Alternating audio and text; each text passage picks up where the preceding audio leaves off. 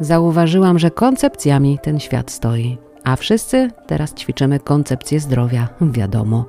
Ale i tak na każdego działa to inaczej. Mój dziadek uważał, że nacieranie przemysławką cuda działa. No i kurczę, zdrowy był jak ryc, aż do śmierci. A umarł sprawnie, szybko i nikt się tego nie spodziewał, chociaż miał ponad 80 lat. Można? Można. Dobra koncepcja wspiera.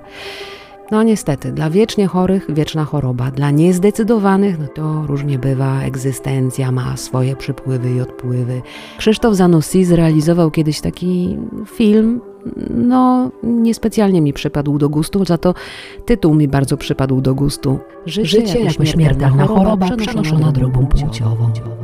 To jest fakt, że życie kończy się śmiercią.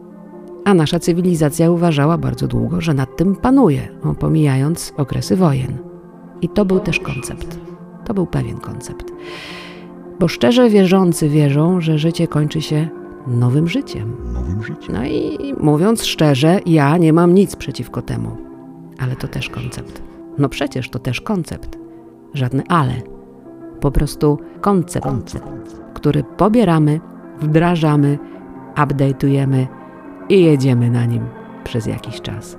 Czasami koncepty to są takie pistoletowe kule, mocno wbite w ciało, ostre, nieprzyjemne, chorobotwórcze, bolesne. I właśnie te kule wyłuskuję bardzo uważnie od jakiegoś czasu. A każda z wyjętych kul wspiera moją koncepcję totalnego dobrego samopoczucia. Zdrowie w każdej komórce. Co do szczęśliwości, to mam jeszcze inne pomysły, ale to jest zupełnie inna historia. Zupełnie inna historia. Koncept.